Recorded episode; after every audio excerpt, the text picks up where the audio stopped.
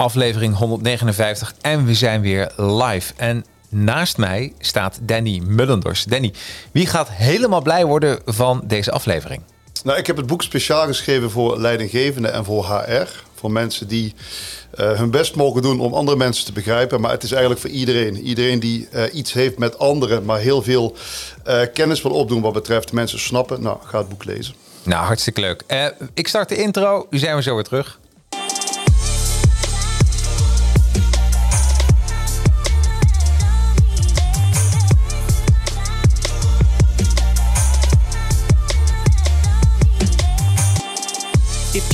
Let's go. Book and Held in podcast, powered by advertising heroes. Every weekend, read a book on management, marketing, or self improvement, then break it down. It's the coolest, yeah. Giving plenty tips and insight you won't find anywhere else, and it's so hype, yeah. If you ready, let's go. Book and Held in podcast, powered by advertising heroes. Woo! Ja, welkom bij aflevering 159, uh, ja, de top 10 podcast Boekenhelden. We spreken uh, management, marketing of zelfontwikkelingsboeken. Uh, ik lees meestal een weekend uh, van tevoren voor de uitzending het boek. En de vrijdag daarop mag ik het bespreken met de desbetreffende auteur. Ja, en deze keer is het iemand die ik al een keer eerder heb mogen aankondigen. Niemand minder dan, dan Danny Mullender. Nou... Goedemorgen. Goedemorgen. Met een groot applaus natuurlijk uh, ontvangen. Dus uh, helemaal goed. Ja. ja, voor de tweede keer. Je dacht van, het is zo goed te bevallen bij de Boekenheld podcast. Ik ga nog een boek schrijven. Oh, precies. Die volgorde. een glaasje melk erbij. Heerlijk. Glaasje melk erbij. Ja, ja, ja, leuk hoor. Ja, dus uh, maar weer een boek geschreven. Hoe lang heb je erover gedaan? Ik was stiekem al aan het schrijven ten tijde van mijn eerste boek. Dus ik had wat, uh, ja, wat stukken liggen in ja. die zin. Dus het ging best wel makkelijk. Ja. En, uh, ik denk een maand of zes. En ja, dan krijg je het hele circus met marketing, sales en uh, de hele communicatie doorheen. Maar het, het lag er al voor een groot deel. Het was vooral de puzzel van wat ik heb liggen, wat is de rode lijn en uh, ja, hoe zet je het vervolgens ook neer richting een, uh, een, doelgroep. Dus het materiaal was er, het was vooral de puzzel van, uh, van wie is dit, wie wordt er blij van en hoe gaan we het brengen. Ja, ja nou, dat is heel. Ik, nou, zoals je weet, ik heb hem gelezen. Ik, ik, ik mocht de voorpublicatie ontvangen. Ja. Um, en ja, dit is. Um, nou, wat ik altijd zo leuk vind, is als er uh, testjes in staan. En hier stond een link in van een test. Had ik je nog even over, over geappt. Hartstikke goed. En ik heb ook die test gedaan. Uh, en uh, weet je, en als iets over jezelf gaat, of je denkt, of en niet meteen over jezelf, maar ook dat je andere mensen herkent in je omgeving, dan wordt het nog leuker. Want dan wordt het praktijk. En dat is dit boek. heel veel herkenbaarheid van mensen om je heen. vrienden, kennissen, collega's, familie. Uh, ik denk dat ze allemaal wel een karaktereigenschap hebben wat terugkomt in je boek en wat te verklaren is. Leuk. Dat was je eerste indruk, uh, Jacrino. Ja, ja, ja, ja. Dus uh, um, ik, dit is een boek die je, um, ja, om, we gaan daar ook wat dieper natuurlijk in, maar om wat meer verklaringen te geven waarom mensen gedragen, waarom ze zich zo gedragen. Precies. Dus en daarom is de titel ook zo, daarom doen ze dat. Ja. Um, 208 pagina's, zes hoofdstukken. Um, en voor degene die de vorige podcast met jou niet hebben beluisterd, uh, Danny, jij bent psycholoog in het zuiden. Ja. Dus je komt uit het zuiden en je bent psycholoog. Weer een goede volgorde. Je zult het een beetje horen aan mijn, uh, mijn tongval. Uh, ik kom uit Meersen. Ja. Het mooie dorp Meersen naast Maastricht. Daar ben ik geboren getogen. ik werk in Sittard bij, bij ACNT. Dat staat voor Assessment Coaching en, en Training. Ik loop al een paar jaartjes mee. In mijn uh, studietijd, in mijn studententijd, heb ik uh, een jaar of vijf bij ACT gewerkt. Als soort van studentpsycholoog. Hè, testen afnemen, waar we het vandaag ook over hebben. Ja. Rollenspellen, dat soort dingen. En eigenlijk via een aantal omzwervingen, via een, een DSM, VBGO, een aantal organisaties, GETP, wat een beetje een con-collega is van, van ons. Uh, weer terug op het nest zou je kunnen zeggen bij ACT. En dat doe ik nu vijf jaar. En de afgelopen twee jaar naast werk ook vrolijk aan het schrijven. Ja, wat goed. Ja, ik, ik heb nog even voor naast te denken, Danny, om deze studio te veranderen in een soort praktijkruimte. Waar ik jou om een divan zou uh, neervleien en dat ik jou vragen zou stellen. Maar je weet in dit gesprek niet wie, wie, wie gaat daar ondervragen. Dus het is toch altijd een dingetje met een praten met een psycholoog. Nou, misschien is dat voor het derde boek. dat, dat, dat, zou zomaar kunnen. Maar we zijn vandaag bij elkaar voor. Uh, boekreview. De boekreview. Daarom doen ze dat. Je ziet het ook in beeld, uh, de kaft. Uh, hij is uh, te bestellen. wat is het? Wat is de datum? Vanaf welke juni 26 of zo? Ja, over 10 dagen. Over 10 dagen. Ik de 16e, 10 oh, ja. dagen is ja. die uit. Dus ja. maandag 26 juni, zeg ik even uit mijn hoofd, te bestellen via uh, uh, managementboek.nl. Uh, nou, de URL zie je er wel bij staan, dus je kan hem inderdaad al voor intekenen, voorbestellen en dan wordt hij mooi netjes in die week ook bij jou thuis bezorgd. Ik heb hem gelezen. Ehm, daarbij zes hoofdstukken. De, ik eh, noem de zes hoofdstukken even op. Boven en onder de oppervlakte, oppervlakte hoofdstuk 2. Uh, eh, de blok be, uh, bepaalt. 3. De greep van onze omgeving. 4. Een helpende houding. 5. Wat tussen mensen speelt. En 6. De mens en de medewerker. Wat meteen op, opvalt in boven en onder de oppervlakte, waarmee je begint, uh, de Big Five. Uh, dat is toch een beetje, nou niet de rode draad, maar daar begin je, daar, daar, trap je eigenlijk mee af en dan komt dikwijls weer terug in het boek. Kun je ja. er iets over vertellen? Wat is de Big Five? Ja. Ja, ja, het is ook waar iedere dag mee aan de slag bent in mijn werk. Hè? Het gaat okay. om het, het, typeren van, uh, van mensen. We hebben het over inzicht en ontwikkeling. Dus uh, ik heb assessment en coaching uh, wat ik aanbied. Dus we kijken of mensen passen bij werk en wat ze te ontwikkelen hebben. Uh, en we doen ook een coaching één op één. Um, en daarin is het ook wel handig om mensen te kunnen typeren. Om vanuit die typering leerpunten te vinden om dan te werken aan de ontwikkeling van, van mensen. Ja. En daar gebruiken we de Big Five van persoonlijkheid eigenlijk iedere keer wel, wel bij. We zouden daar een extra podcast over kunnen maken wat mij betreft. Maar in het kort zijn het vijf typische eigenschappen van, van mensen. Ja. Die over tijd bekeken redelijk uh, hetzelfde blijven. Dus je zou kunnen zeggen, als je tien jaar oud bent, dan verschil je op bijvoorbeeld introvert, extravert niet heel veel ten opzichte van wanneer je 20 bent of 30 bent uitzonderingen dagen laten. Het is ook zo dat je af en toe een, uh, een live event meemaakt, iets spannends of iets ingewikkelds, wat maakt dat je qua karakter wat kan veranderen. Uh, maar het is een, een heel praktisch model, waardoor je in uh, één oogopslag kan zien via een aantal testen ook ja, hoe zit iemand nou in elkaar op die vijf elementen. Ja, ik heb hem gedaan, want er staat een, een link uh, in jouw boek. Ja. Uh, en dat voor een tientje kun je dan zo'n online test doen. Waarvan mm. je zegt, nou, die, is, de, dat geeft een goede richting aan. Ja, precies. Uh, wat, wat, wat, wat, dat is. Nou, er zijn een paar dingen uitgekomen. Waarvan, nou ja, is het leuk om te horen. Ach, weet je, het is gewoon... Ehm, ik scoorde bijvoorbeeld... Je hebt in die Big Five de agreeableness, mm-hmm. uh, oftewel vriendelijkheid. Mm-hmm. En, dan heb je een score van 100, is max natuurlijk. Vrouwen scoren 61,5. En mannen uh, gemiddeld, hè, 38,5. Mm-hmm. En mijn score is 29. Dus ik ben niet zo heel vriendelijk. Typische man. ja, maar ik, ik weet wel hoe dat komt. Uh, want um, die agreeableness, mooi woord, mm. die is ook ingedeeld in een aantal factoren. Mm. Uh, je hebt bijvoorbeeld compassie. Mm-hmm. Als je compassie kijkt, is man 39 gemiddeld, vrouw 61. Ja. En bij mij 13. Ah, oké. Okay. Ja, ja, ja, ja, ja. maar wat, wat, wat, wat kun je hiervan leren? Wat, tenminste, wat kan ik hier uithalen van je eigen karakter? Nou ja, Krido, als eerste, ik zag het gisteren via LinkedIn verschijnen, jouw resultaten. Dus complimenten voor het kwetsbare opstellen. Dat is ook een onderdeel ja. van de agreeableness trouwens. Dus daar scoor je wel hoog op, denk ik. Ja. Uh, nou, wat, wat kan je daarmee? Je kan um, vrij makkelijk zicht krijgen op hoe je in de basis uh, in elkaar steekt. Ja. Uh, dus je weet vrij snel welke vijf eigenschappen typisch voor jou zijn. En dat doet iets met hoe je je met anderen uh, verhoudt. Het doet iets met uh, je eigen leerpunten. Je zou kunnen zeggen, we hebben het over, nog niet trouwens, over emotional stability gehad, een van die vijf. Ja. Wat mij opvalt in assessment is als mensen heel hoog zitten op emotional stability, dan zijn het vaak mensen die uh, een tikje onverstoorbaar zijn. Dat is een beetje de negatieve kant ervan. De positieve kant is, het zijn stabiele mensen, evenwichtige mensen, uh, mensen die in balans zijn en die kunnen tegen een stootje. Dus als er iets gebeurt, houden ze het hoofd koel cool en dan, dan blijven ze relaxed en dan houden ze het overzicht. Um, het, het, interessante vind ik, uh, op het moment dat uh, bijvoorbeeld bij coaching iemand laag zit op emotional stability, hè, dus eigenlijk ook wel hoog op labiliteit, dat klinkt niet helemaal lekker trouwens, daar nee, precies. heel blij van. Hè, dus dan heb je het eerder over wat lager op emotional stability. Dan, dan zijn het vaak mensen die wat zelfkritischer zijn, dus die de eigen lat hoog leggen, die het wat lastig voor zichzelf kunnen maken. Soms in de ogen van anderen, soms ook in hun eigen ogen. Ja, en dan heb je eigenlijk een aanknopingspunt voor persoonlijke ontwikkeling. Vaak zijn het perfectionisten, ook in combinatie met een hoge conscientieusheid, een andere factor voor die vijf. Oh. Uh, hoog op conscientieusheid, uh, uh, laag op emotional stability.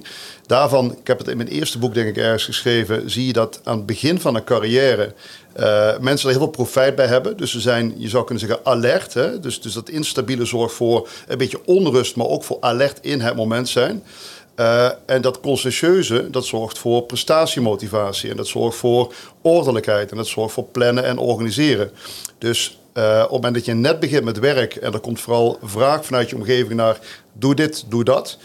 Dan werkt dat goed, die eigenschappen. Op het moment dat jij wat meer in een omgeving terechtkomt... waarin de kaders niet heel helder zijn... en je moet wat meer gaan laveren en manoeuvreren... ja, dan, dan geeft innerlijke onrust en behoefte aan structuur... eigenlijk een, een, ja, een contraproductieve... Uh, reactie. Dus je ziet vaak dat uh, ja, die twee eigenschappen input zijn voor coaching wat later in de carrière. Ja, wat goed. Ja, ja. ja. Nou, weet je, ik, ik, uh, in mijn geval kan me het voorstellen. Ik misschien wel mee te maken. Um, die lage score bij mij, omdat ik een enorme filter heb. enorme focus en een enorme filter. Die lage score op agreeableness bedoel je? Ja, ja, ja. voor mij is. Um, uh, dus ik spreek het ook totaal niet tegen. Sterker nog, dit is gewoon wie ik ben. Uh, maar als het hebt over compassie, dan. Uh, ja, laat ik zeggen, ik heb, een, ik heb echt een super focus op heel veel dingen. Mm -hmm. En, en het, het, voordeel van mij is dat ik daardoor een ruis heel makkelijk kan wegtrekken van waar het, wat ik belangrijk vind. Ja, ja. compassie voor dieren is een ander verhaal. Nou, even, even terug, hè, want ja. je zegt uh, die, die superfocus, die zag ik in jouw conscientieusheid. Ja. Uh, conscientieusheid bestaat in dat model uit twee factoren. Je hebt het over prestatie, motivatie. Dus wil je ergens voor gaan, ja. ben je zelfstartend.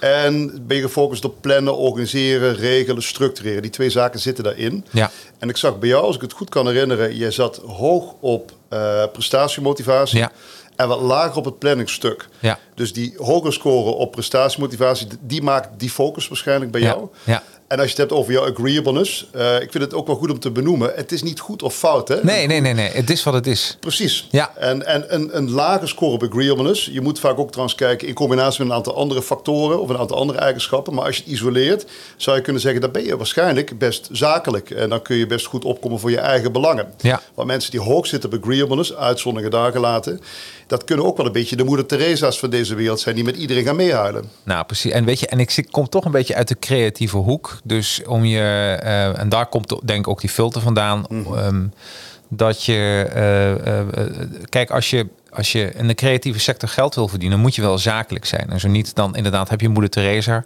de geitenwolle sokken noem ik dan even. Dan, ja, en niet dat daar iets slecht mee is, maar dat is een keuze die je dan maakt. Dus, maar maar ik, vind, ik vind het een heel goed onderzoek. Ik zal de links wel, en ik deel altijd alles. Mensen mogen alles van me weten.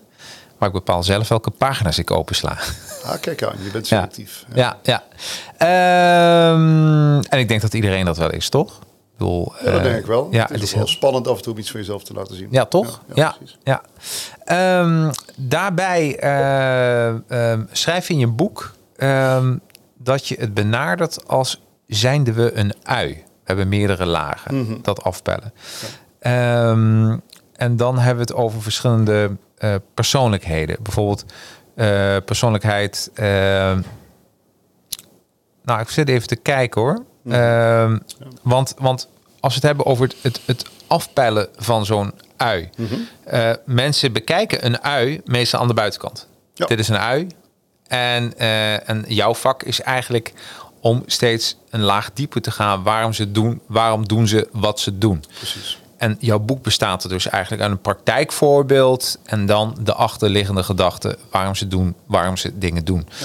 Ja. Um, dus, dus, dus, dus, en daar komen heel veel de zaken in voor. En een van de zaken die ik, wat mij meteen opviel, die komt het begin van je boek voor. Dat was het verhaal van een neuroot. Mm -hmm. Hoe herken je een neuroot, Danny? Oh, dat is een leuke vraag. Uh, ja, een van mijn uitgangspunten is oordeel niet te snel. dus dat even vooropgesteld. Uh, eerste indrukken zijn leuk, uh, maar vaak zit er heel veel meer onder het oppervlak bij mensen. Dus ga niet denken, iemand bijt op zijn nagels, dus die heeft een lage score op emotional stability, hè, of een hoge score op neuroticisme. Ja. Leer mensen erkennen en dat is ook wel, wat mij betreft, mijn vak. En ik gun het ook wel heel veel mensen om me heen, vooral leidinggevenden en HR-mensen, om dat ook wat meer te doen. Om niet vanuit de eerste indrukken te handelen, te denken en te handelen. Um, maar goed, dat gezegd, hoe herken je een, uh, iemand uh, die wat, wat neurotisch is? Um, wat, wat, wat, is een neuroot? Misschien kunnen we daarmee beginnen. Ja, precies. Uh, als je het heel technisch pakt vanuit die Big Five, dan is het iemand met een lage score op emotional stability. Het is een hoge score op een labiliteit. Dus het zijn mensen die vaak van nature onrustig zijn, mm -hmm. die onzeker zijn die, en dan gaan we lekker in een hokje plaatsen allemaal. Hè? Maar het zijn mensen die vaak niet stressbestendig zijn. En heel erg alert zijn op hetgeen wat, uh, wat mis kan gaan. Er is vaak ook nog een koppeling gevonden in de literatuur met een fixed uh, mindset. Mm dus het is ook wel lastig voor deze mensen om wat, uh, wat breder en wat flexibeler ook te kijken. Dus als er een bedreigende trigger op hen afkomt, denk aan een hond, een auto, wat dan ook dan is bij deze mensen vaak de primaire reactie van gevaar. En dan gaan we vechten, vluchten of, of bevriezen. Ja. Dat is ook een beetje het evolutionaire verhaal van uh, ons, uh, ja, ons brein.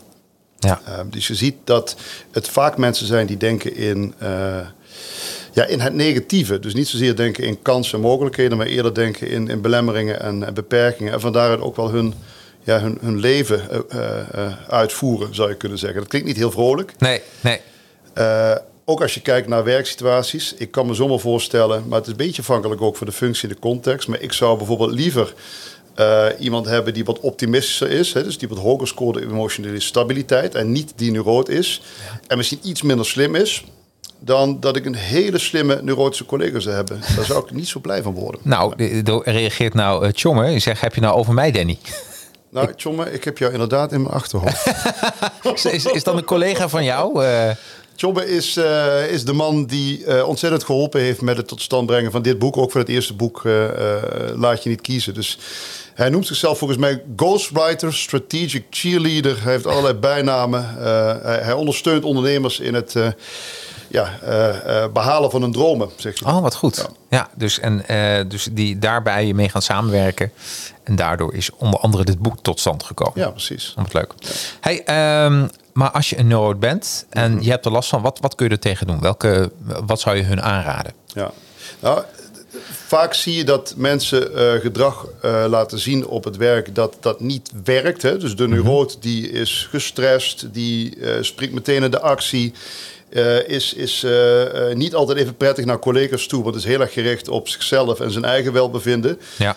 Um, dus zijn vaak niet de meest prettige mensen. Uh, daar begint het vaak. Hè. Dus dan komt iemand bij mij voor een coaching en die zegt: Ik heb van een ander gehoord dat ik niet zo uh, aardig ben. Ja. Uh, aan de oppervlakte zou je kunnen zeggen, misschien kom je dan uit uh, bij die agreeableness, waar jij wat lager op scoort, hè? Ja. wat minder vriendelijk. Ja. Maar als je die uh, oppervlakte wat afpelt, dan kom je op dat emotioneel instabiele uit. Dus aan de oppervlakte denk je, nou, onvriendelijk onderliggend zie je, nou, het is iemand die behoorlijk onzeker is, onrustig is. En dat zijn uh, de basismechanismen die iemand in de ogen van de ander weer onvriendelijk maken. Ja. Uh, dus kijk verder dan, uh, dan de oppervlakte. Nou, dan krijg je jouw vraag van wat doe je ermee? Ja, wat doe je ermee? Dat is best een puzzel, want, want het zit wat meer in de kern van, van mensen. Het heeft hem vaak veel gebracht, dat perfectionisme, dat alerte. Um, uh, wat je daarmee kan bijvoorbeeld uh, is, ja, ben je bekend met rationeel-emotieve training? Is dat, is dat iets wat je... Nou, nou, nee, ik zelf niet. Niet helemaal. Uh, nee. wat, wat, je kan doen, je kan eens kijken, nou, wat zijn de gedachten die ze iemand heeft. Hè? Op het moment dat iemand heel vaak denkt, ik ben niet goed genoeg voor, um, voor mijn werk, of ik ben uh, ik kan die presentatie niet, want het zal wel weer misgaan, net zoals vorige keer. Nou, dat zijn gedachten die een neuroot wat sneller heeft. Daar zou je kunnen zeggen, leg die gedachten bloot. Zorg voor vervangende gedachten. Hè, in plaats van te denken, uh, het zal wel weer misgaan, kun je iemand aanleren uh, te denken van, nou, we gaan het deze keer proberen. Mm -hmm. Ja, en Warempel deze keer gaat het een stukje beter. Dus op, op gedrags- en vaardigheidsniveau is er best wel wat te halen. Ja. Als het heel diep zit, ja. dan wordt hij wat ingewikkelder. Want dan kun je zeggen, ik kan een trucje uit met mijn gedachten. Maar dan heeft het veel meer te maken met uh, bijvoorbeeld uh, mindfulness-achtige technieken die, uh, die kunnen bijdragen. Dus mm. echt in rust komen. wegblijven bij het oordeel van jezelf en van de ander. En veel meer ook in het, in het moment kunnen zijn. Um, dus eigenlijk jezelf trainen op, op rust, ontspanning en, ja, en relativering. En dat, dat, dat heb je niet met een maand gefixt. Nee, nee, nee. En volgens mij in je boek schrijf je ook nog ja, precies. leren. Ja. Uh, wie is de gewoon, als je het over water en vuur hebt, hè, wie is de grootste vijand van een neuroot?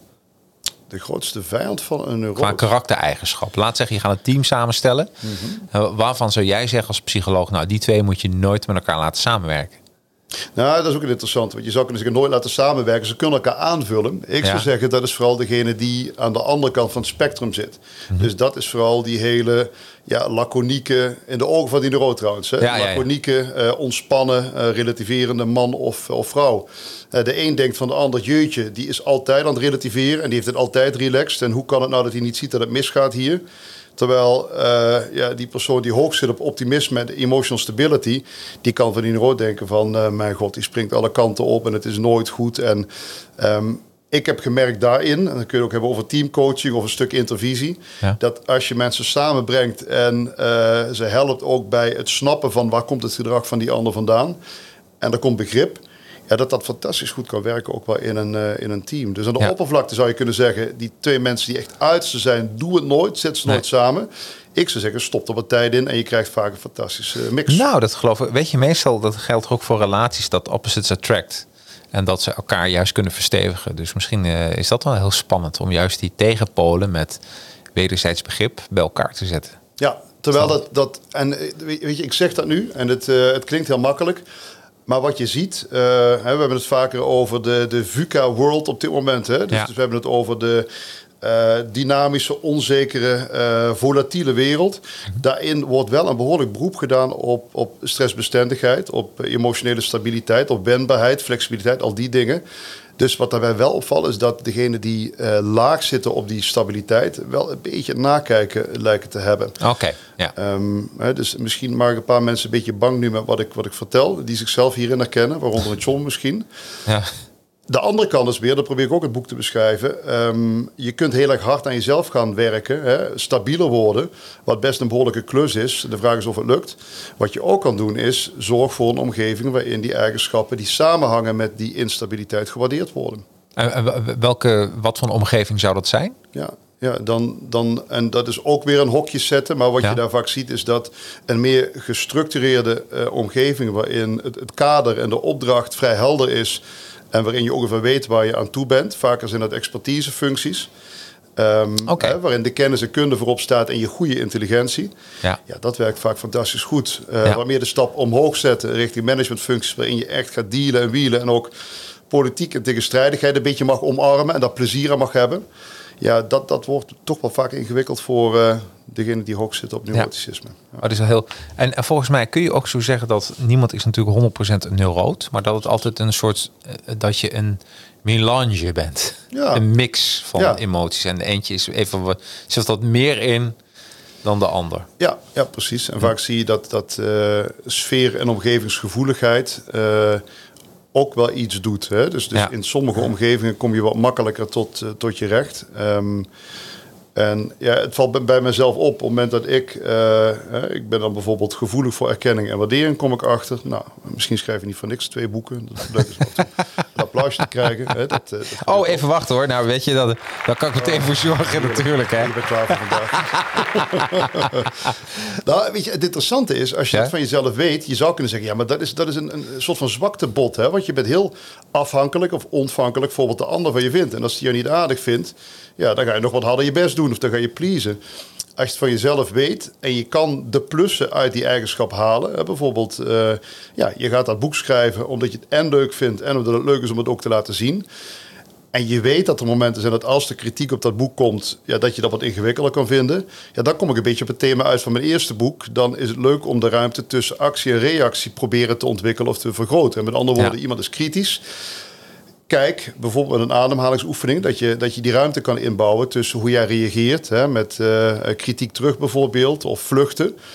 Uh, hè, dus, dus, dus, dus formeer je eigen reactie op hetgeen wat uit de omgeving komt. Dat het, is dan de puzzel. Het is wel heel interessant wat je nu zegt. Dat ook het, dat je ontvankelijk bent voor complimentjes.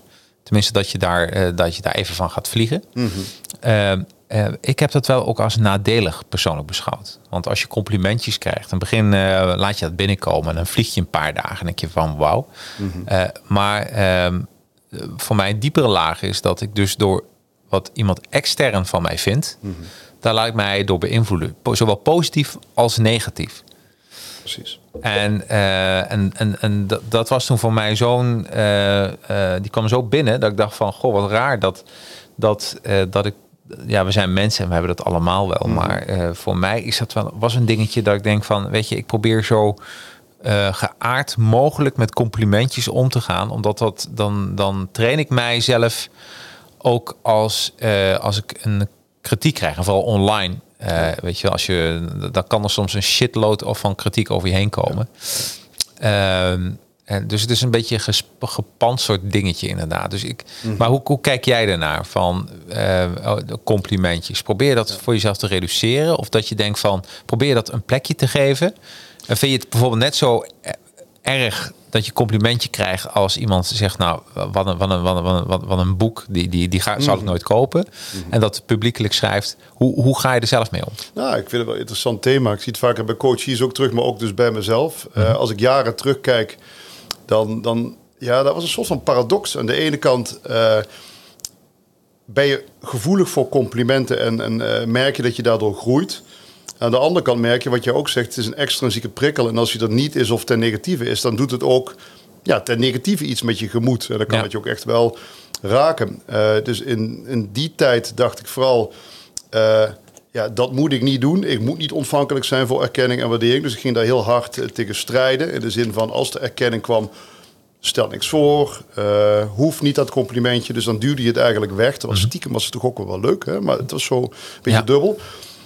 Wat ik afgelopen jaren wel geleerd heb, is dat uh, het ontvangen van een compliment en dat uh, echt horen en, en omarmen en op waarde schatten, uh, dat dat fantastisch mooi kan zijn en dat dat best wel binnen mag komen. En tegelijkertijd, maar dat is een beetje een, een delicaat proces. Ja. Laat het ook wel niet op zo'n manier binnenkomen dat het je dag um, ja, tien keer beter maakt of tien keer slechter maakt. Dus klinkt een beetje vaak wat ik nu zeg. Dus nee, het is nee, wel nee, het van, ja. maar het wel op waarde inschatten. Ja. Nou, ik, ik heb eens een keer met een business coach gesproken. Een goede vriend van mij. En die, die had het over dat hij zegt het, het, het meest funeste voor zijn business was dat hij uh, complimentjes kreeg. En uh, dus als je dan, want dan ga je vliegen en dan ben je letterlijk even los van de wereld. Mm -hmm. En dan duurt het soms even een paar dagen dat je weer aardt. En dan liggen er weer uitdagingen voor je. Dat vond ik ook wel een mooie. Ja, dus, precies. Dus, uh, dus... Nou, en, en, koppel dit aan het boek, hè? Want het boek is geschreven ook voor leidinggevenden en voor HR. Je zou kunnen zeggen, je kunt het, het sociale spel tussen mensen zien als een soort van rituele dans waarin je elkaar beïnvloedt. Dat zit ja. ook ergens in, in het boek. En dan kijk je niet alleen maar vanuit de persoonlijkheidspsychologie, vanuit het individu en de eigenschappen, maar je kijkt meer naar wat doet context bijvoorbeeld. En als je als leidinggevende weet dat als je iemand die ontvankelijk is voor het compliment, dat compliment geeft en dat gaat vliegen, dan zou je kunnen denken, hé, hey, dat is fijn, want dan wordt hij in één keer productief. Ja. Um, dus dat kan, zou je kunnen zeggen, in soort van taakgericht opzicht een, een, een, uh, ja, een praktische eerste stap zijn voor beginnende leidinggevenden. He, van, het zit een beetje op uh, klassieke en operante conditionering in de psychologie. Kun je niet vermoeien met allerlei details, maar uh, dat op het moment je kunt iets bestraffen of je kunt iets, iets belonen. En als je die mechanismen kent en reacties snapt van mensen, dan kun je daar een beetje mee spelen. En tegelijkertijd, als het te veel een spel wordt, heb ik gemerkt, dan gaan anderen dat ook wel zien dan is die leidinggevende misschien ook wel niet helemaal zichzelf, maar dan is hij vooral bezig met het dienen van zijn eigen doelen. Dan gaat het weer ten koste van dienstauthenticiteit en ook weer ten koste van de verbinding met die medewerker. Dus voor mij zou het idee net zijn, ja, leidinggevende ook blijf dicht bij jezelf. Maar ga dus vooral bekijken in contact met die ander. Waarom uh, kan die ander een keer bits reageren of teleurgesteld reageren? Ga niet meteen roepen, want dat zie je vaak gebeuren. Hè? Mensen die hoog zitten op agreeableness leidinggevende, die gaan dan de arm eromheen slaan. Hè? Het moeder Theresa idee. En het is allemaal niet zo erg. Terwijl op het moment dat je de vraag stelt, en dat is een beetje analytisch misschien, maar uh, goh, vertel eens wat meer of wat is er aan de hand? En vanuit het verhaal dat je hoort, daar kan je samen mee aan de slag. dan, dan ben je en vanuit gelijkwaardigheid, denk ik, bezig. En je zet de ander ook wat meer in de regierol. Nou, het is heel. Ja, maar dat is wat jouw boek doet. Al die lagen die mensen hebben, die je tegenkomt op de werkvloer. je krijgt een, een, beschrijving, maar ook uitleg. Ook soms waar het vandaan komt uit de psychologie. Dan komen we daar ook nog even op terug. Dus uh, voor mij was het wel een, eh, een, een mooie inzicht. Want als je het boek uit hebt, ook tijdens het lezen, dacht je van, hey, wacht eens even, dat is die persoon of dat. Nou, je gaat ook anders hoe je met mensen omgaat. Weet je wel? Dat je wat meer empathie krijgt over voor uh, bepaalde keuzes en wat, wat mensen doen. Je had het net over uh, uh, fight, flight, freeze. Mm dus uh, vechten, vluchten en bevriezen. Maar je schrijft in je hoofdstuk 4, want ik kop er even naartoe, mm -hmm. uh, heb je het ook over flop en friend.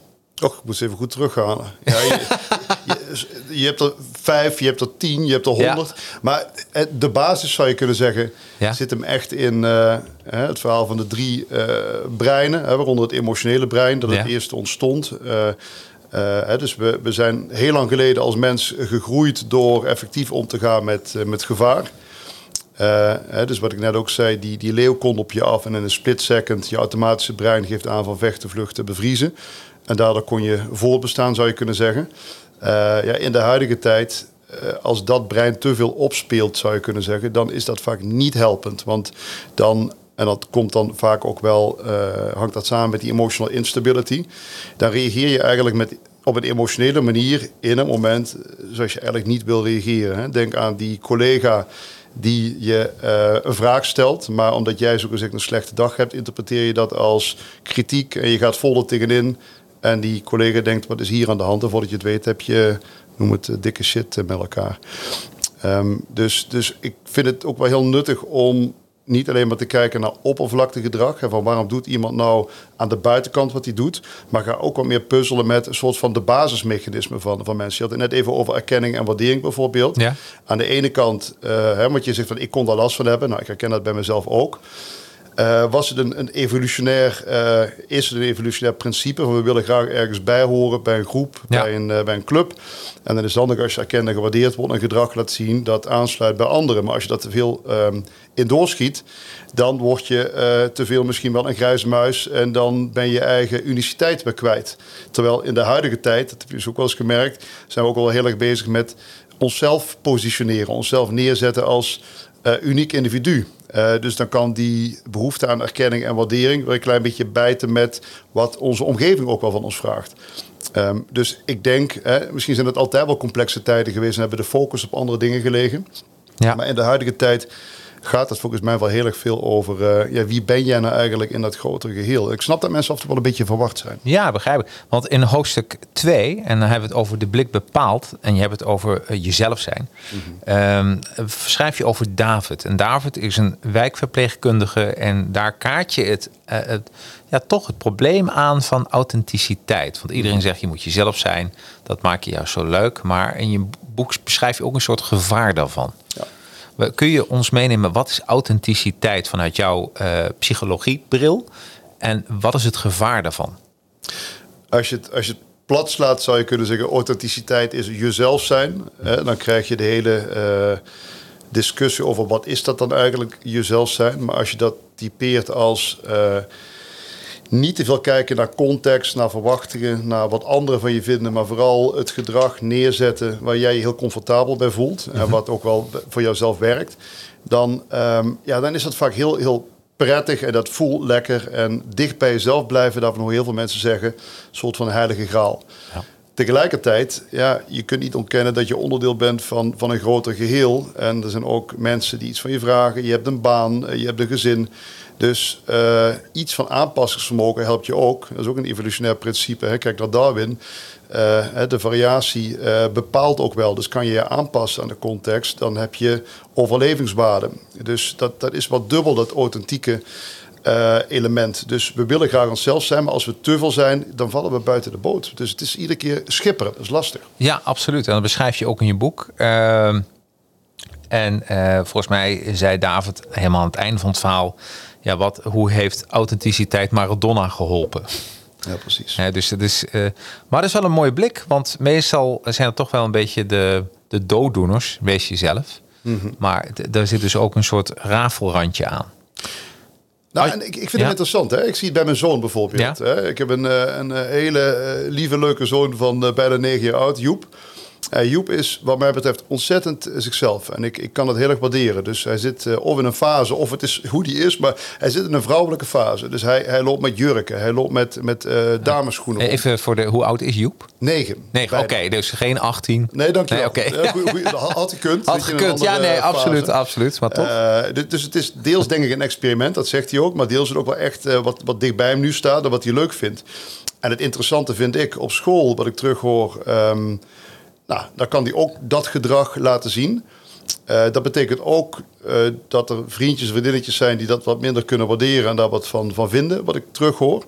Ja, en er blijft een groepje over dat dat kan waarderen. Dus misschien wordt de groep mensen om je heen uh, die uh, de gemiddelde Joep meer kon waarderen, uh, die, die, die wordt dus wat, wat kleiner. En de mensen die die wat meer extreme eigenschappen kunnen waarderen, ja, dat, dat, dat worden dan nu de vrienden. En ik denk dat dat ook wel zo bij volwassenen werkt. Ja. Op het moment dat je jezelf echt bewust onbewust in een soort van niche zet met uh, toch wel opvallend gedrag. Ja, dan doet het ook iets met, met je omgeving. Mensen die hoger zitten op emotional instability, daar komt hij weer terug. Ja omgeving kan dat best vaak lastig vinden. En zonder dat deze mensen dat doorhebben, kunnen ze zichzelf ook, ook isoleren met dat gedrag. En de puzzel vind ik ook als coach. Ik heb er ook niet echt een antwoord op. Ik denk aan de ene kant van, oh, als ik jou kan helpen in minder zelfkritisch worden en minder alert worden en meer ontspannen worden, dan zit je misschien wat lekkerder in je vel en dan verhoud je je makkelijker tot je omgeving. En aan de andere kant denk ik wel eens, ja, maar wie ben ik nou om jou ja, te sturen in een soort van basiseigenschap die je hebt, die je op zo'n momenten ook al wel helpt. Dus ik vind dat zelf ook wel eens ingewikkeld. Ja, een interessante discussie. Hoe, hoe ga je bijvoorbeeld om als iemand, uh, een man, en die uh, vindt het leuk om vrouwenkleren aan te doen en die komt zo op zijn werk? Mm -hmm. Daar kan een frictie in ontstaan hè, bij, bij mensen. Hoe, hoe, hoe kijk jij daarnaar naar psycholoog? Wat zou je, advies, wat zou je zo'n team adviseren? Ja. ja, kijk, in de ideale wereld zeg ik, uh, laat, dat, laat dat gebeuren. En laat ieder ook op zijn eigen manier uh, ja, zijn wie die is. En als het je lukt als omgeving, kijk vooral naar de inhoudelijke kwaliteit en hetgene wat, wat iemand werkgerelateerd brengt. En aan de andere kant zie ik ook dat dat vaak niet is uh, uh, hoe het werkt. En ik zag mezelf laatst ook, ja, het is een heel simpel voorbeeld misschien, maar een collega van mij kwam uh, in een korte broek binnen op ons werk. En ik, in split second dacht ik en riep ik van, ja, maar we lopen hier niet met korte broeken rond. we hebben hier assessment deelnemers en coaches. Dus en in een split second dacht ik ook, ja, maar dat zijn mijn impliciete overtuigingen van wat hier wel en niet werkt op dit werk. Maar ik had er al uitgesproken. Dus uh, binnen, binnen drie seconden had hij eh, bij spreken een andere broek aan. En toen dacht ik van, ja, het is ook best wel... Uh, ja, het is, het is geen mens vreemd blijkbaar om in een moment heel snel te kunnen reageren op gedrag of kleding dat, dat afwijkt van de norm. Dus ik kan nu wel zeggen van, ik zou het heel leuk vinden als die persoon met die vrouwenkleren aan het werk komt. Aan de andere kant, ja, ik herken wel de sociale norm en de, ja, de automatisme van, van waaruit mensen kunnen reageren op iets wat afwijkt. Ja. Dus uh, ja, hoe zeg je dat? Hetgene wat ik wil en de manier waarop mensen reageren. Ja, daar zit ruimte tussen. Ik vind ja. het lastig. Nee, ik begrijp het. Ja. Nee, moet je voorstellen dat, dat als ik hier in een uh, jurk zou binnenkomen, dan um, en, en, en laat zeggen, ik zou een klant uitnodigen voor de eerste keer gesprek, mm -hmm. dan gaat dat fout. Omdat uh, dan, dan, dan, dan dan raak je zo niet in verbinding mm -hmm. met de klant. Ik denk dat dat het gewoon is. Dat uh, dan, dan ja. En dat is het misschien ook. Je, wil, je probeert ook steeds verbinding te zoeken met, met de ander. Ja, en dat heeft voor mij ook wat te maken met wat, uh, hoe voelt de ander zich uh, in de situatie waar ja. hij met jou in zit. En ja. we zijn gewoontedieren en we vinden het heel prettig als we kunnen voorspellen wat die ander gaat, uh, gaat doen. Dat klinkt heel saai. ik denk wel dat het zo is. Ja, en die jurk, dat is iets geks in de context waar die in zit met jou in dat, in dat interview. Dus ja. je zou kunnen zeggen, ja, als je een soort van effect wil creëren bij die ander, nou, dat gaat je lukken. Want de aandacht gaat echt daar naartoe. En als die andere durft te zeggen of... Hè, dus dan, dan gaat daar... Uh, dus de aandacht naartoe. Maar de vraag is, wil je dat? En het leuke is wel, je kunt wel een beetje met dat concept spelen van hoe kan je iemand uh, triggeren of hoe kan je iemand laten nadenken. Uh, ook een stuk van het boek is, hoe kan, er werd wel ook aan mij gevraagd, hoe kan je nog op andere manieren mensen beïnvloeden of tot denken uh, of zichzelf aanzetten. Sommige mensen zijn heel extravert van nature en die praten heel erg veel, terwijl anderen zijn wat introverter, wat meer op hun eigen binnenwereld gericht. Um, En soms valt me op in assessments, als ik kijk, past iemand of past iemand niet bij werk, dat iemand uh, heel extravert is en honderd uitpraat in het gesprek met mij. En tegelijkertijd, hij benoemt zichzelf als introvert. En ja. maar dat is interessant. Jij doet van alles wat extravert lijkt. En je zegt je bent introvert. En dan, dan kun je heel erg op afstand blijven en je witte doktersjas aantrekken als psycholoog en daar iets van gaan, gaan vinden. Of je kan dat open op tafel leggen. Hey, ik hoor je dit zeggen. Ik denk dat ik jou dit zie doen. Help mij eens in het bij elkaar brengen van die dingen. Dit is wel hele, wat je nu zegt, dit is super interessant. Want dit was de, de reden waarom ik die Big Five test heb gedaan. En de reden is dat ik uh, leuk vind om met mensen te praten.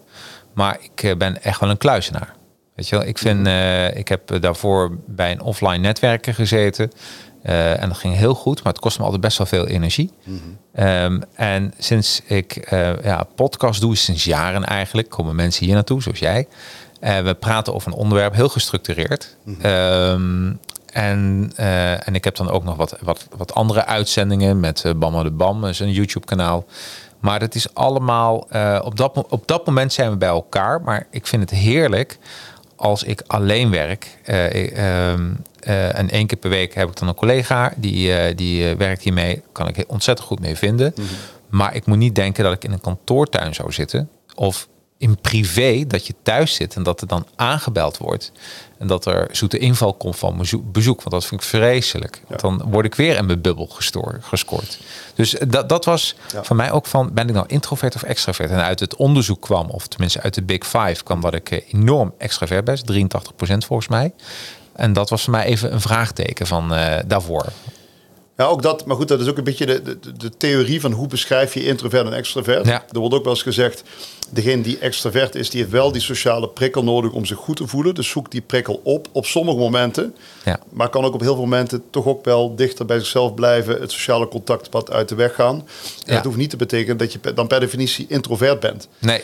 Um, maar je hebt wel een minimaal aantal sociale prikkels nodig om je goed te voelen. En dat proef ik ook een klein beetje bij jou. Je kunt heel erg genieten ook van het uh, één op één gefocust. Ja.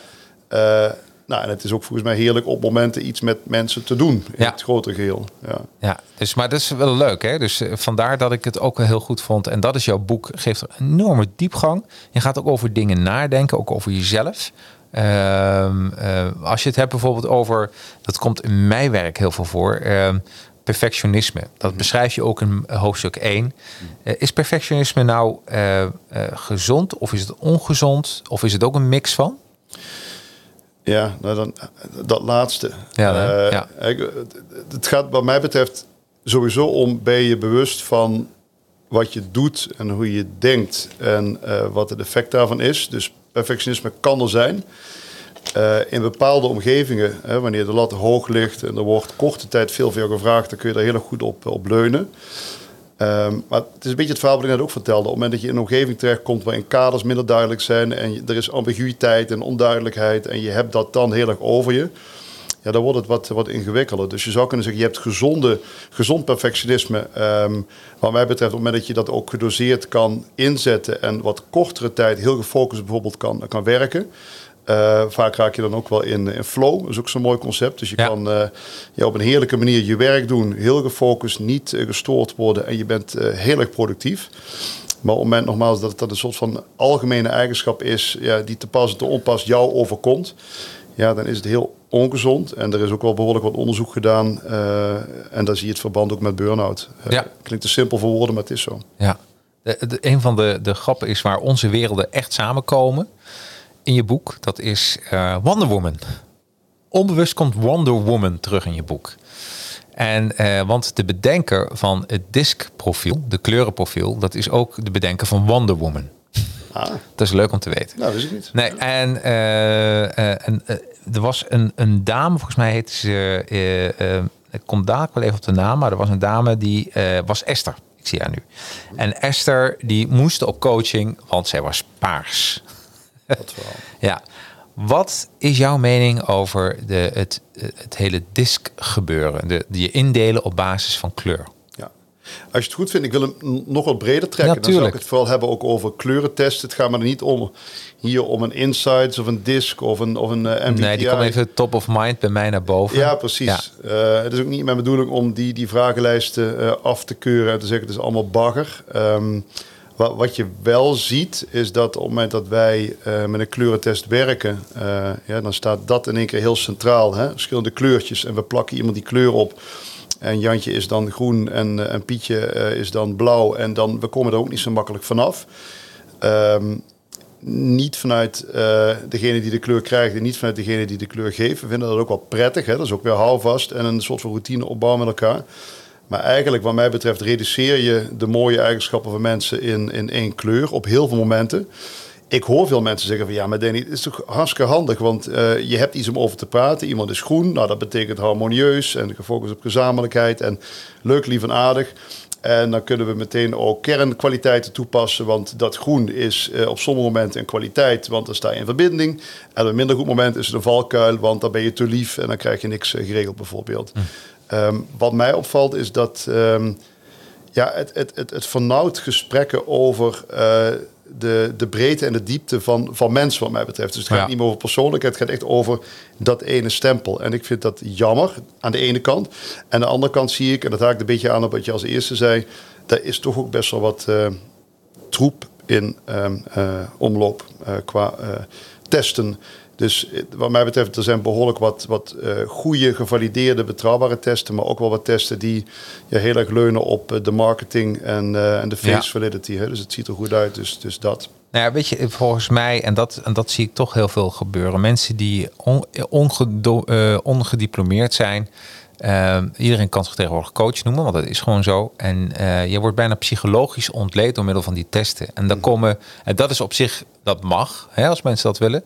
Maar er worden conclusies aan verbonden mm. tot en met je werkvloer. En uh, je zet iemand ja, weg met een, met een kleurtje. Ja, precies. Hè? Um, dus ik, kan, ik, kan, uh, ik was aan het lezen, ook jouw reactie daarop in het boek. Um, wat ik dacht van ja Um, dan ga je er toch ook wel ook zo naar kijken. Dan dacht, ja, het, we slaan het toch. We willen gewoon dingen zo versimpelen. Wat eigenlijk. Uh, ja, uh, kijk, als je het leest, is het altijd kloppend. Maar ook, ja, al, ieder verhaal is kloppend. Maar daardoor hoeft het nog niet echt gebeurd te zijn. Ja. Nou, en precies hierover heb ik, ik denk september voor het tijdschrift voor organisatieontwikkeling een heel verhaal geschreven. Dat gaat over de zin en onzin van uh, persoonlijkheidsvragenlijsten. In het nieuwe boek zijn dat denk ik twee, uh, twee drie stukjes tekst. Uh, wat, wat, mij opvalt is, ja, noem het garbage in, garbage out. Op het moment dat je uh, met, met geen goed materiaal werkt, heb je ook niet het gesprek op basis van de resultaten waar je het over moet hebben. En ook wat jij zegt, uh, er worden conclusies aan verbonden, die zijn niet mals. Dus op het moment dat iemand te groen is en niet genoeg rood of oranje heeft. Ik heb het gezien dat mensen op basis daarvan toch wel een lange, langzame exit tegemoet gaan. Ja. En uh, dat is nog een andere invalshoek. Uh, sommige testen zitten heel erg op persoonlijkheid, op karakter met, met kleuren. Hè? Dus jouw uh, typische stabiele eigenschappen. We hadden het even over die Big Five. Nou, dat kun je in, op sommige manieren ook wel in kleuren vatten. Maar vaak gaat het ook over drijfveer. Dus waar krijg je energie van en waar loopt die energie weg? En het is me wel eens opgevallen dat een, een, kleur bij man management drives, misschien ken je die ook, een kleur oranje. -hmm wat trouwens een, aardige vragenlijst is wat mij betreft. Uh, uh, iemand uh, had te weinig oranje in de beleving van HR en de leidinggevende. Dus was te weinig resultaatgericht. Dat was dan de uitleg. Nou, het team en de groep vroeg meer resultaatgerichtheid. Dus die man die werd langs over zijspoor gezet. Terwijl ik dacht van ja, nee, maar we hebben het hier over waar krijgt iemand uh, energie van. Ja. En dat is iets heel anders dan wat heeft iemand of hoe is iemand. Dus vaak worden ook definities door elkaar heen gegooid. En ja, dan wordt het één grote ja, in grote soep, dan weten we niet meer waar we het over hebben met elkaar. Nee, nee, nee. En de grap is dat we door die diskprofielen emotie proberen te rationaliseren en mensen in een hokje proberen te duwen. En dan krijg je. Maar dat vinden we wel fijn hoor. Ik, dat, ik, ik merk wel dat we kunnen heel slecht tegen 3D-persoonlijkheden. Mm. Dat je zowel boos als uh, uh, grappig kan zijn. Dat, dat, nee, dat, dat kan gewoon niet. Je wordt, wij willen heel graag mensen plat slaan tot één eendimensionaal karaktereigenschap. We houden niet van paradoxen. We houden nee. niet van, van Messi zelfs. Nee, nee, nee. nee. Hey, wat ik ook uh, uh, sinds ik jouw boek heb gelezen, was deze week dus. Hè, afgelopen zaterdag, zondag heb ik hem gelezen. Mm -hmm. uh, wat jouw boek met mij doet, is dat bij elk gesprek denk ik even aan jouw boek. er was, voordat jij hier kwam, uh, was hier tegenover, uh, was iemand die was aan het... Uh, en de woorden krijg ik niet helemaal mee. De, want ja, de deuren staan open. Maar het ging meer van de persoon zat en die had commentaar over iemand anders. Mm -hmm. En toen moest ik even denken aan jouw zin. We beoordelen onszelf op onze intenties en anderen op feitelijk gedrag. Ja. Dus we beoordelen onszelf op onze intenties en anderen op feitelijk gedrag. Kun je hem eens even meenemen in een, een denkpatroon? Ja, precies. Dus ik, ik, ik, heb er laatst ook wat verder over nagedacht. Wat, wat is dat nou eigenlijk? Hè? Maar wat je ziet is dat, ehm, ondanks dat we de neiging hebben om zelf kritisch te zijn, zijn we op heel veel momenten ook wel weer, en het lijkt wat tegenstrijdig, maar we zijn ook wel heel, veel, heel, heel mild voor onszelf. Dus op het moment dat wij um, naar de voetbalwedstrijd van onze zoon uh, toe zouden gaan, maar we worden last minute. Um, nou goed, we krijgen een telefoontje en we gaan wat anders doen. Dan zeggen we van onszelf, nou, ik had de intentie om naar dat voetbal toe te gaan. Terwijl als die andere papa daar langs het veld uh, afwezig is, dan gaan we niet eens kijken van waarom niet. Dan is het vooral van hè, die man of vrouw uh, is niet goed met zijn kinderen bezig. Dus we vinden het heerlijk om labels en oordelen en stickers te plakken op anderen. Ja, op basis van, noem het feitelijk observeerbaar gedrag of er niet zijn dus. Terwijl we bij onszelf, uh, ja, daar, daar, daar, zijn we wel behoorlijk mild. Nou, weet je, ik had het in gedachten, ik heb het niet gedaan. Uh, prima. Dus dat betekent ook, um, ja, eigenlijk is een soort van aanzet, uh, ook wel tot, tot ja, roddel zou je kunnen zeggen. Dus, dus op het moment dat wij al heel snel gaan invullen waarom iemand het gedrag niet vertoont dat we verwacht hadden, ja, die invulling is eigenlijk een soort van wild guess. Hè? Ja. Dus hij zal wel weer uh, met iets anders bezig zijn. Hij, hij, hij, is er nooit. Ja, en op zijn werk doet hij het ook niet goed. En vervolgens generaliseren we dan is het, is het een, een klootzak. Ik zeg ja, het heel precies. plat nu. Ja. Uh, ja, en nogmaals, naar onszelf toe kunnen we het heel goed vergoeilijken. Uh, daar kom je ook, ook in cognitieve dissonantie uit. Dat wordt ook ergens ja. in het boek gemeld. Dus dat we eigenlijk ja, voor onszelf heel erg effectief zou je kunnen zeggen. Misschien is het niet, niet effectief, maar goed. We kunnen heel makkelijk goed praten wat we zelf niet goed kunnen.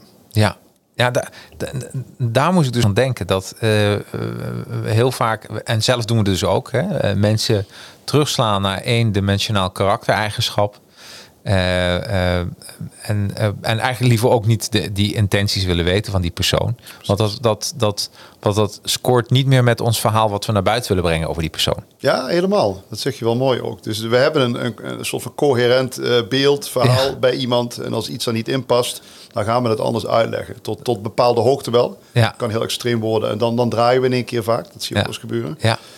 Um, maar precies, we vinden het fijn als hetgene wat wij denken overeenkomt met, met de realiteit. En op een of andere manier kunnen we onszelf schitterend voor de gek houden en het plaatje was ook kneden dat we weer vrolijk fluitend door het leven kunnen. Ja, ja het is gewoon, uh, het, ja, het, je kunt hiervan zeggen, het zie je wel syndroom. Ja, die is zie je wel? Ja, ja, ja ik, ik, ik, heb wel gelijk. Ja. ja, geweldig.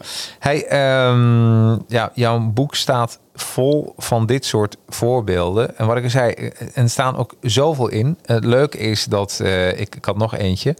Uh, daar hebben we het over introvert en verlegenheid. Want soms is een medewerker of een collega of een vriend staat een beetje stil in een hoekje en uh, dan denk je, oh, die is introvert. Maar dat hoeft dus zo niet te zijn, volgens de praktijkvoorbeelden, volgens je boek. Ja, precies. Dat zijn voor mij wel echt uh, twee dingen. En we gooien introversie en, en verlegenheid vaak ook wel op één grote, grote hoop. Dus je zou kunnen zeggen dat...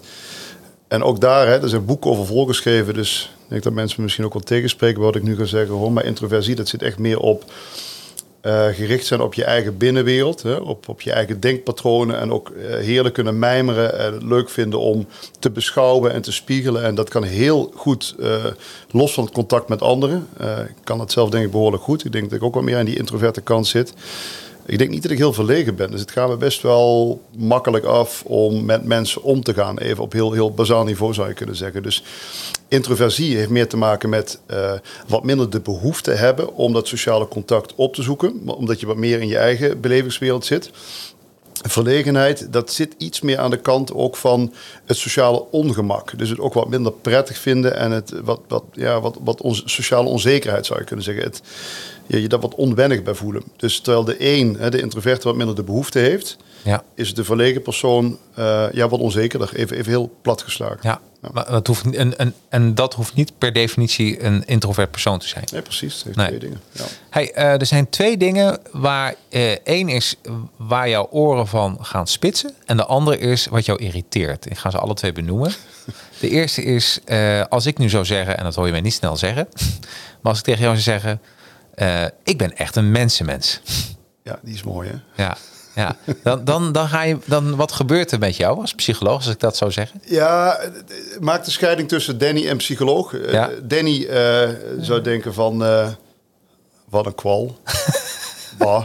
Of hoe kun je dan over jezelf zeggen? Of wat, wat uh, hoogdraverig, of ja. dat. Ja. Terwijl als psycholoog zijn mijn oren spits eerder van nieuwsgierigheid. Ik denk van, hé, hey, maar wat, wat zit hier nou achter? Waarom zegt hij dat nou? Um, en vaak zie je dat zo'n uitspraak niet matcht met het feitelijke gedrag. Dat zie je ook ergens in het, in het, boek terug. Dus dat als je over jezelf zegt, ik ben een mensenmens. Nou, doe dan eens een 360 graden uh, uh, onderzoekje. Vraag aan mensen om die persoon heen van wat vinden jullie van hem of haar. En dan, dan volgt vaak een tegenstel beeld. Nou, dat is die vooral niet. Dus mensen die de neiging of de behoefte hebben om die uitspraak te doen. is een beetje, een beetje Freudiaans dit misschien. Maar ja, die, die, die zeggen dat niet voor niks. Nee. vaak zit er een soort van compensatie. En het woordje ik hè, kwam heel vaak in, in die zin voor. Dat vond ik een leuke. En volgens mij een van de disclaimers die je vertelt, uh, een, iemand die dat vertelt, ik zeg niet dat het een narcist is, maar er zitten wat narcistische trekjes, vind ik, in. Mm -hmm. Dat hij ook dan de mensen natuurlijk in zijn 360 graden onderzoek gaat vragen, die, uh, waarvan hij bij voorbaat weet, ja, weet je wel, die zegt dat ik geweldig ben. Ja, precies. precies. Dus, ja. dus je moet eigenlijk iedereen vragen. Uh, Als ze dat nog durven trouwens, om daar antwoord op te geven. Ja, ja dat klopt ook. En, en, en dan kom je weer op een ander thema ook wel uit. In, in het boek hebben we het ook over um, uh, competentiemanagement, talentmanagement. Hè? Dus je zou kunnen zeggen, uh, iemand moet verplicht worden om uit allerlei hoeken mensen hem te laten beoordelen. Hè? Dus dat is een, een structuur, een, een, vraag, een vraag, is een verplichting.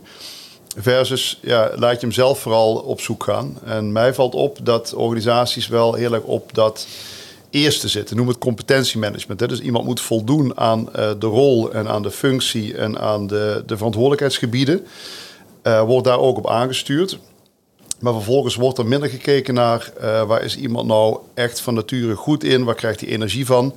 En kunnen we daar zo'n beetje de functie of de omgeving op, op aanpassen.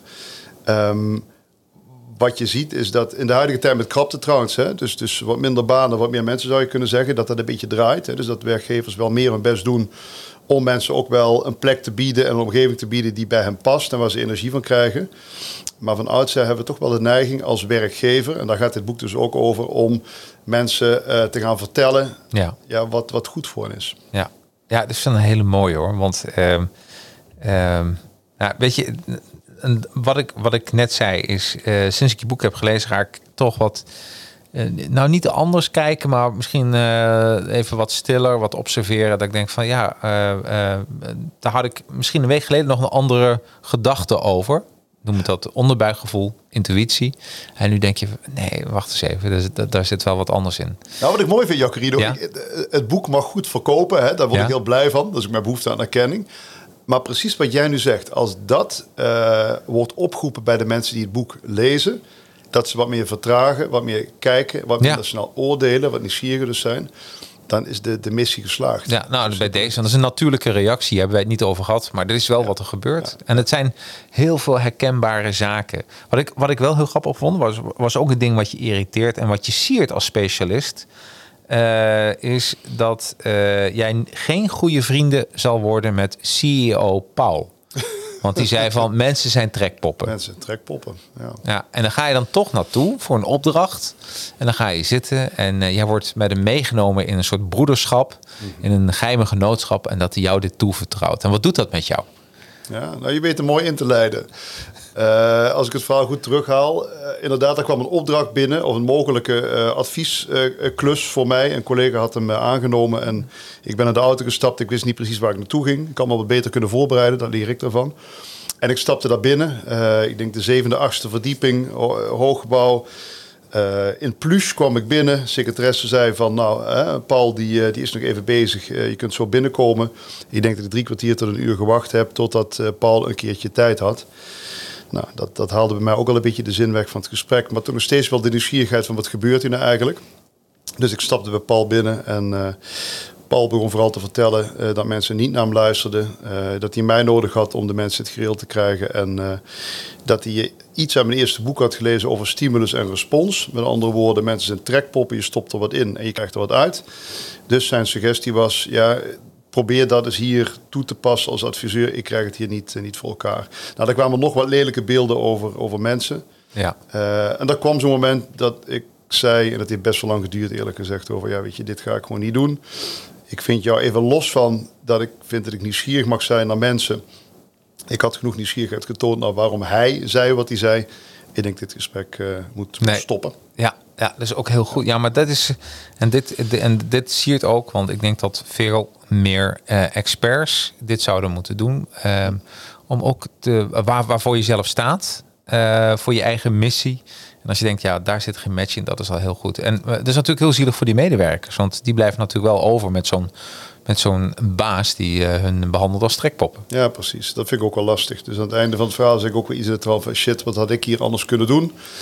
Kan ik toch nog op een andere manier binnenstappen om daar iets in te betekenen? Um, maar daar ja. kwam ik ook niet goed uit. Ik vind nee. het lastig. Ja. Nee.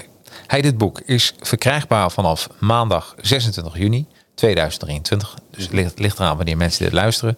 Uh, natuurlijk te bestellen via managementboekboeken.nl. Ik zet ook al even een linkje in de show notes, dat mensen het kunnen bestellen.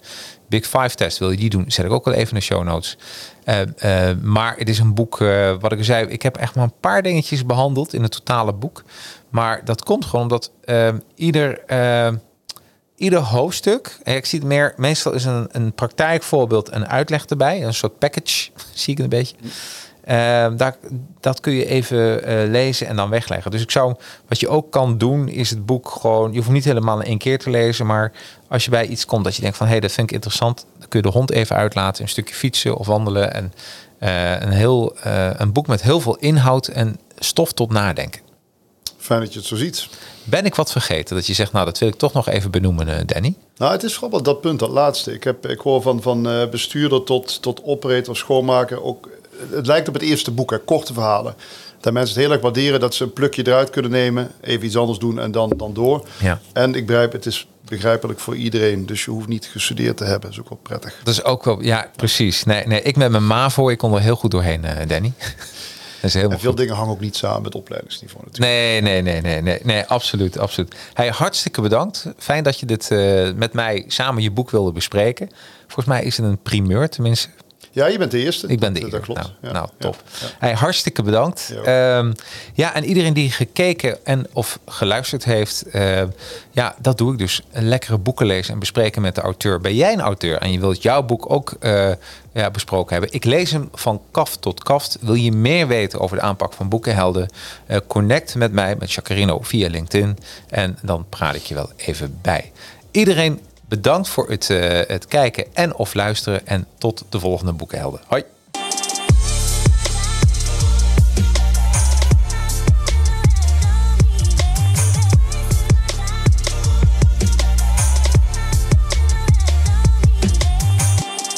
If you ready, let's go. Booking Held in Podcast, powered by Advertising Heroes. Every weekend, read a book on management, marketing, or self improvement, then break it down. It's the coolest, yeah. Giving plenty tips and insight you won't find anywhere else, and it's so hype, yeah. If you ready, let's go. Booking Held in Podcast, powered by Advertising Heroes.